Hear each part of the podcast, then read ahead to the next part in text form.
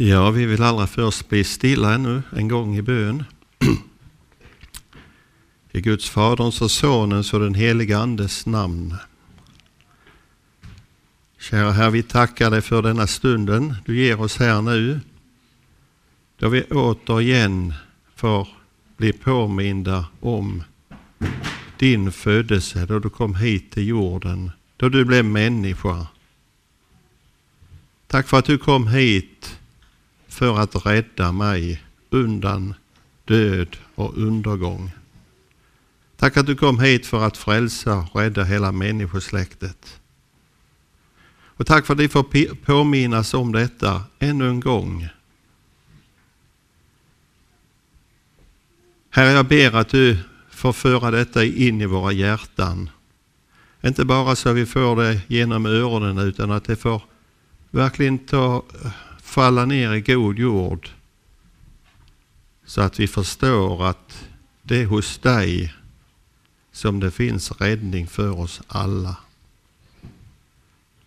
Herre, jag ber att kom du med din gode helige Ande och ta hand om oss alla denna stund.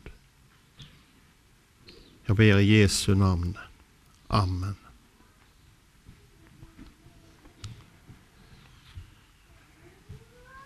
Ja, det är ju idag Jesu födelsedag. Verkligen en stor högtidsdag.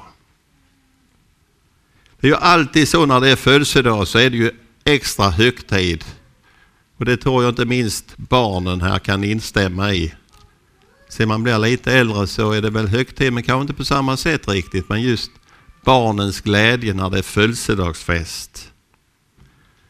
Och nu är det så också att vi har verkligen orsak att glädjas och fröjdas och lova och prisa Gud som vi hörde här i sångerna också för att det är Jesu födelse idag. Vi har ju hört eh, texten, evangeliet läsas här framifrån och det har vi säkert hört flera gånger denna julen. Och jag kommer väl till komma tillbaka kanske till det lite grann men jag tänkte läsa för er en annan text idag som jag tycker beskriver detta alldeles förträffligt. Och det är faktiskt de välkända orden ifrån Johannes 3 och 16. Ty så älskade Gud världen att han utgav sin enfödde son för att den som tror på honom inte skall gå förlorad utan äga evigt liv.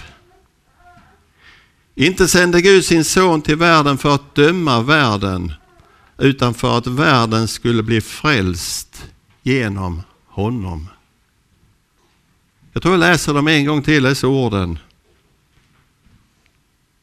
Ty så älskade Gud världen att han utgav sin enfödde son för att den som tror på honom inte ska gå förlorad utan ha evigt liv. Inte sände Gud sin son till världen för att döma världen utan för att världen skulle bli frälst genom honom. Ja, Herre, inskriv du dessa orden i våra hjärtan. Amen.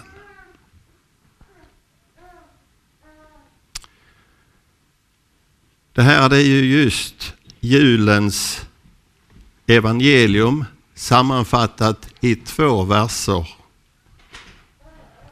Och det är också hela Bibeln sammanfattat egentligen i två verser.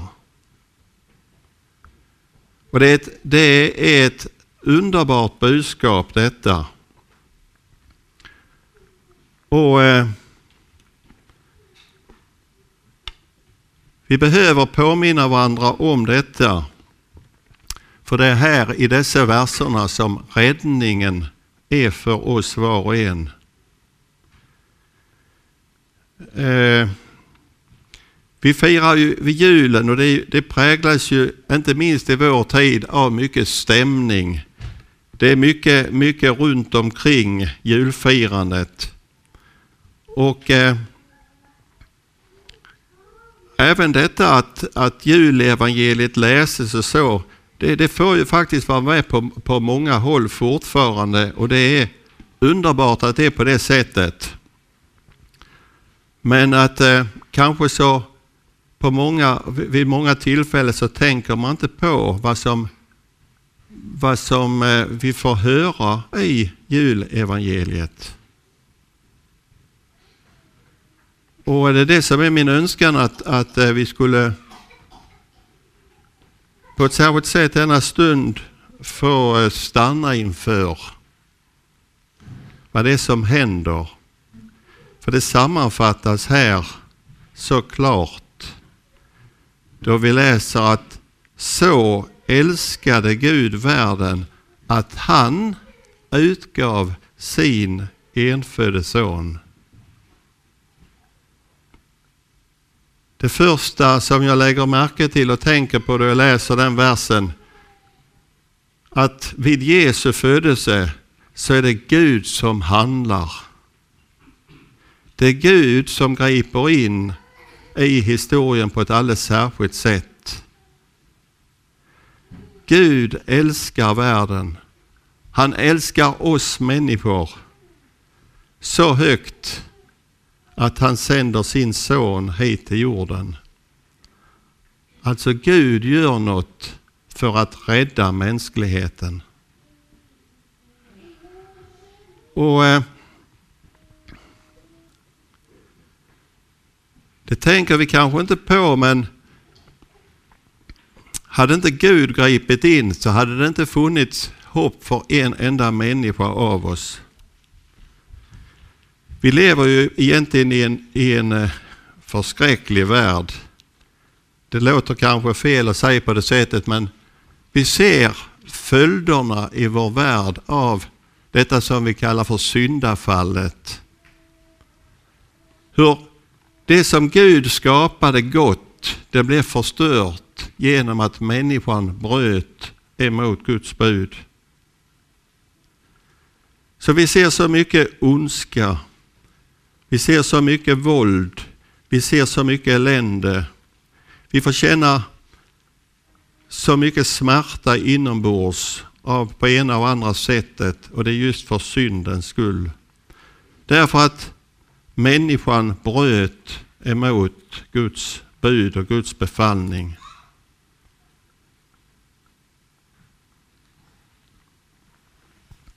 Och det är detta som är orsaken till att Jesus måste gripa in på nytt.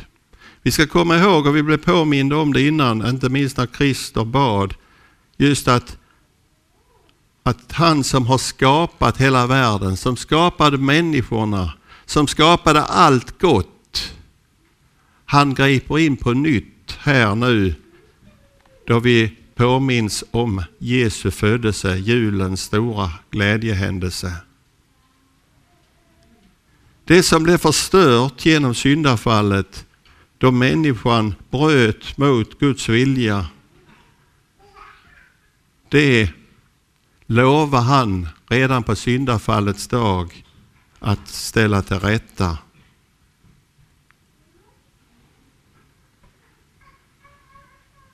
Då det står där att kvinnans säd, han skall krossa ormens huvud.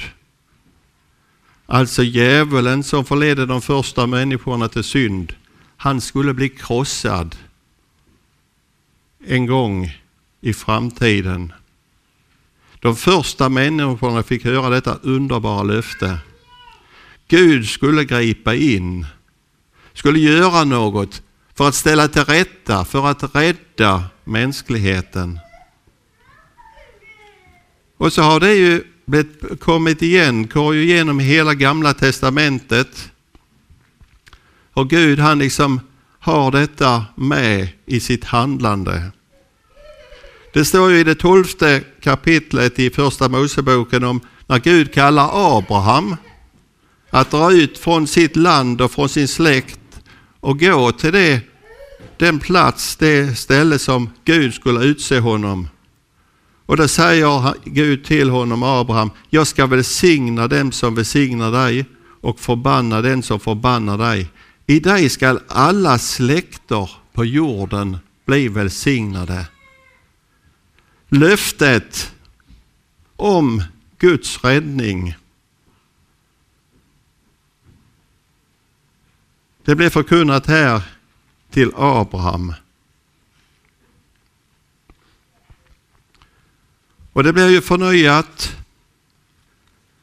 gång på gång. Vi vet ju att Abraham han gick ju barnlös en lång tid. Först när han blev gammal fick han sin son Isak. Och vad händer då? Jo, då får han en befallning att han skulle offra sin son Isak. Och Det var säkert ett svårt prov för honom. Men det står att han gick och var på väg att offra honom. Men också då vid detta tillfället då Herren grep in så att inte han behövde offras så, fick, så blev, detta, blev han påminn igen om detta. I din avkomma skall alla jordens folk bli välsignade därför att du lyssnade till min röst. Ännu en gång förnyas detta löftet. Och det, det, det går igenom. Isak fick växa upp. Han, eh, han blev stor och han fick söner. Och hans söner var ju Jakob och Esau. Och vad hände med dem? Jo, vi vet ju, vi ser då vi läser om den berättelsen hur syndafallets följder präglar också deras liv och deras förhållande till varandra och till Fadern. Och så då Isak blev gammal så skulle han ju välsigna den äldste. Men så vet vi och läser om hur Jakob han genom svek fick välsignelsen. Han lurade sin, sin far och fick välsignelsen. Och vilka följder det fick. Han fick fly och så var han på väg till Laban och så ligger han där om natten i Betel och sover och så drömmer han. Och så mitt under detta, historiens ja, tragiska händelser egentligen då vi tänker på att detta var ju egentligen inte Guds vilja, det var syndafallets följder som präglar detta som hände och skedde. Det som står beskrivet genom hela gamla testamentet. Men ändå så påminner Gud om vad han hade lovat. För då när han ligger där och ser den här stegen upp till himmelen så, så talar Gud till honom där. Han säger din avkomma skall bli som stoftet på jorden och du skall utbreda dig åt väster och öster och norr och söder. Och genom dig och din avkomma skall alla folkslag på jorden bli välsignade. Jag tycker det är intressant att ha detta med hur, hur Gud, han är historiens Gud. Han lämnade inte människorna fast de lämnade Gud. Fast de bedrogs genom ormens list så lämnar inte Gud människan. Så älskade Gud världen, läste vi. Han älskar de fallna människorna så mycket att han utgav sin enfödde son. Det är detta som julevangeliet talar om. Det är detta som hände sen här i Betlehem, som skedde på kejsar Augustus tid, som står beskrivet så väl om när det skedde. Det var därför, för Gud älskade det fallna människosläktet så mycket, så att det han måste sända sin son. Gud griper in. Gud griper in. Han gör något för att rädda mänskligheten. Och det är gott att vi får, vi får tänka på det då vi firar jul. För vi själva, vi kan ha goda förutsatser. Men känner vi oss själva lite grann så vet vi hur det är att vi eh, klarar oftast inte ut det. Att fullfölja det som vi tänker. Kanske en hel del av er har känt det bara inför julen och inför julförberedelserna och ja, vi tänkte vi skulle hunnit med, och vi skulle gjort det och det. Men hur gick det? Vi hann inte, vi orkade inte. Men Gud, han lämnar inte oss åt oss själva då det gällde vår räddning. Utan Gud älskade oss så högt att han utgav sin enfödde son. Han själv griper in för att rädda mänskligheten. Och det gör han på ett underligt sätt. Jag kan inte låta bli utan jag tänker på, jag tänker på, eh, på Maria som var trolovad med Josef. Hon eh, får ju det här änglabesöket av ängeln Gabriel. Där i Nasaret, då hon får höra att hon ska bli mor till Jesusbarnet. Och jag läste en, en liten betraktelse över detta för en, en rätt så länge sedan, men jag vill läsa lite grann om det också för er. Jag tycker det är så, så gripande. Alltså det som händer här i Nasaret, det saknar paralleller i världshistorien. Maria blev gravid genom den heliga Ande. Snickarfästmön blir himladrottning. Gud utväljer en ung kvinna till det största uppdraget att föda Guds egen son till denna världen. Ett liknande uppdrag har ingen annan fått. Men vi kan alla bli kallade av Gud till mindre och större uppdrag. Hur vågar Gud investera den stora frälsningsplanen i en ung tonårskvinna? Hur vågar, han bejaka, hur vågar hon bejaka denna kallelse? Hon måste ju veta att hela samhället skulle tvivla på hennes berättelse. Bebådas av en ängel. Gravid genom den heliga Ande. Ja, något sådant kan väl bara inte hända. Och även Josef tvivlade och ville skilja sig i hemlighet från den kvinna han hade trolovat. Han måste ha tänkt, hennes berättelse stämmer inte. Men så talar Gud till Josef i en dröm. Du ska ge honom namnet Jesus, ty han ska frälsa sitt folk från deras synder. Också han får vara delaktig i världshistoriens stora räddningsplan. Maria frågar ängeln, hur ska detta ske? Jag vet ju inte av någon man, men ängeln svarar, den heliga ande ska komma över dig. Och Maria avslutar, jag är Herrens tjänarinna. Må det ske med mig som du har sagt. Ja, det är underligt om man, då man tänker på detta budskapet som Maria fick. Då Gud griper in så använder han människor i sin tjänst. Så fick Maria vara den som skulle bära barnet Jesus i sin kropp och föda honom här i Betlehem.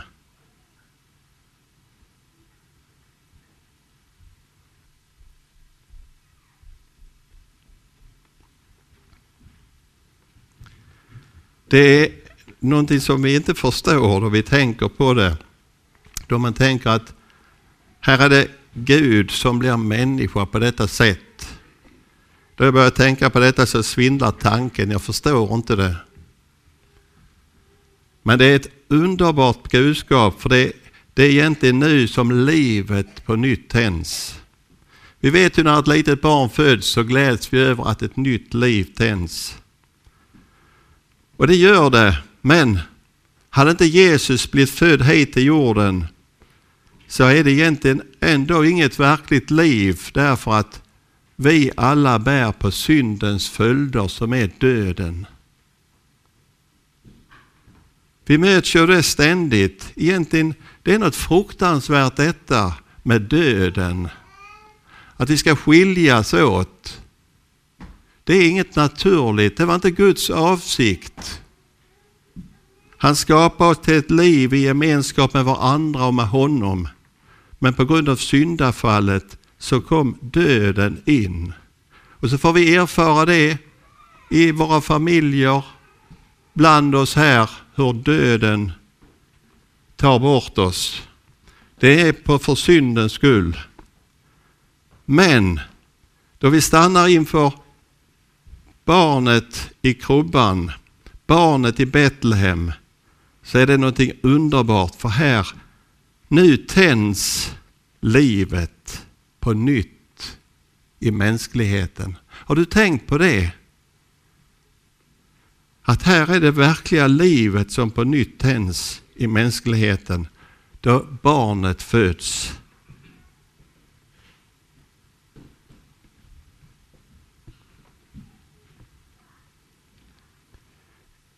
Det är det verkliga livet. Med honom hade döden ingen makt. Man försökte visserligen utplåna detta livet. Redan Herodes, då han var nyfödd, försökte ta död på Jesusbarnet, men han lyckades inte. Och sen vet vi hur Jesus vid flera tillfällen, då människorna, då judarna blev retade på honom, man försökte stena honom, man försökte ta livet av honom, men han gick mitt igenom folkskarorna sin egen väg. Man kunde inte ta död på livet därför att Jesus är livet själv. Han är Gud. Han är allting skapare. Han är livet själv. Men så kom den dagen då man ändå grep honom. Man korsfäste honom. Man tänkte, men nu har vi lyckats. Men vi läser att han uppstod igen på tredje dagen. Djävulen vann aldrig segern över Jesus, utan det var Jesus som är livet, som också besegrade den onde vid detta tillfället. Och därför är det så underbart att stanna inför julevangeliet, att stanna inför det som sker i Betlehem och så få tänka på detta underbara. Att det är här, här är det verkliga livet som tänds. Det som ingen kunde utplåna. Ingen kunde utplåna. Så Jesu födelsedag, det är verkligen en livets dag. Då tänds det verkliga livet. Och så kan jag inte låta bli utan jag får tänka så också då jag tänker på detta att då jag firar Jesu födelsedag så är det faktiskt också min födelsedag. Det är faktiskt min födelsedag. För det är det som ger hopp för mig. Det är det som ger, som, som, som ger liv för mig. Hade inte Jesus fötts hit till jorden så hade jag inte haft något liv egentligen. Utan det hade varit evig död och evig undergång. Men nu har livet tänts också för mig. Så jag får ha hopp för evigheten. Jag har hopp om att få leva både i gemenskap med er här och sen till sist i gemenskap med Herren Jesus själv i himmelen. Därför att Jesus är livet. Syndens lön är döden, men Guds gåva är evigt liv, läser vi i Romarbrevet. Guds gåva är evigt liv. Ty så älskade Gud världen att han utgav sin enfödde son för att var och en som tror på honom inte skall förgås utan ha ett evigt liv. Inte sände Gud sin son i världen för att döma världen utan för att världen skulle bli frälst genom honom. Eller som Gert skriver i sin översättning, eller för att världen skulle frälsas genom honom. Ja, det stämmer verkligen med det som vi hörde om eller läser om då Matteus beskriver Jesu födelse. Och eh, Josef fick det uppenbarat för sig. Du ska ge honom namnet Jesus. Ty han ska frälsa sitt folk från deras synder. Det var det som var orsaken till att Gud sände sin son hit till världen. Det var därför han fick detta namnet. Han skulle frälsa sitt folk ifrån deras synder. Alltså detta att vi firar jul, det är inte bara en, en skön högtid med ljus och god mat och julklappar. Har du tänkt på att det är faktiskt fråga om din och min räddning? Det är frågan om livet själv. Alltså, det är därför att Jesus föddes hit som vi får äga livet. Det verkliga livet, det eviga livet. Och så var här ett löfte förknippat i texten.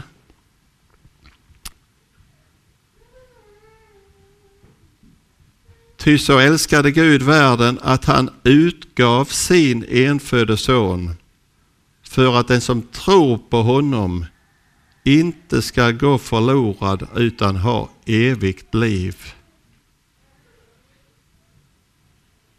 Här är alltså ett löfte förknippat med detta barn, med Guds son, med Marias son.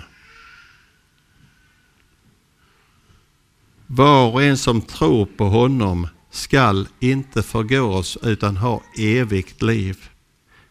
Det säger Jesus själv. Så underbart. Vi behöver, inte, vi behöver egentligen inte frukta för någonting då vi, då vi har barnet med oss. För han har lovat evigt liv för var och en som tror på honom.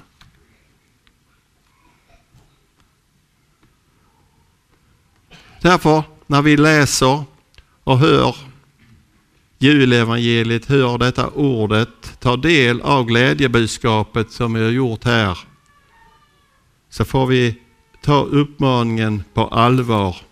Låt oss gå till Betlehem. Låt oss gå till Betlehem och se det som där har skett. Att vi får se det stora som där har skett. Tecknet, ni ska finna det lilla nyfödda barnet som är lindat och ligger i en krubba. Vi får ta herdarnas uppmaning på allvar, göra som dem. Låt oss nu gå till Betlehem och se det som har hänt och som har Herren har låtit oss få veta. Och Gud han vill, han vill verkligen visa detta för oss alla. Han vill det. Han vill att vi skulle få se vem Jesus är. Att vi skulle få se att han är den som har livet att ge åt oss alla. Ingen behöver gå förlorad. Ingen behöver en gång stå utanför en stängd himmel. Ingen behöver egentligen heller leva i olycka här i livet. Även om vi för syndens skull får känna på mycket svårigheter och prövningar kanske och oro och allt möjligt svårt. Så får vi ändå ha Jesus vid vår sida som är livet själv och som har lovat att bära och ta hand om oss hela livet och bära oss ända hem. Det är en sån oerhörd trygghet i detta. Inte minst om man ser hur det är i vår värld och i vår tid runt omkring oss. Det är så mycket, mycket som oroar, så mycket som kan göra, göra att man blir nedslagen, man blir rädd. Man tänker, hur ska jag nå målet? Men den som tror på honom skall inte gå förlorad utan ha evigt liv. Så lovar han Gud i sitt ord. Men kom ihåg att det är, det är tillsammans, det är tillsammans med Jesus om du lever ditt liv i tron på honom. Eh.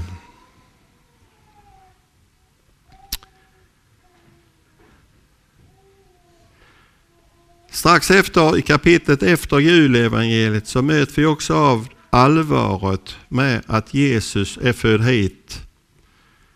Det är ju där det står talat om Simon. Då Simon han, han eh, talar där och säger dessa underliga orden, välsignad. Och Simon välsignade dem och sa till hans mor Maria, se denna satt till fall och upprättelse för många i Israel och till ett tecken som blir motsagt. Så vill jag också ha sagt det här denna dag, att vi ska komma ihåg detta, att Jesus, han är både till fall och upprättelse. Den som inte tar emot Jesus, den som inte tror på honom, så, så blir Jesus till fall. Och det är detta som är så tragiskt. Att vi människor, vi har den möjligheten att förakta eller att inte bry oss om det Gud har gjort då han har gripit in för att rädda människosläktet. Det kan bli till fall. Men hör, det kan också få bli till upprättelse. Det som Jesus har gjort, låt det få vara din och min upprättelse. Då har vi en fullkomlig upprättelse i vilken vi verkligen är klädda. Vi är heliga, vi är rättfärdiga, vi är precis sådana som Gud vill att vi ska vara. Ja, jag faktiskt vågar säga, i honom så är vi syndfria. Kan du tänka dig det? Det är just den, i denna upprättelsen, i Jesus, i han som är livet.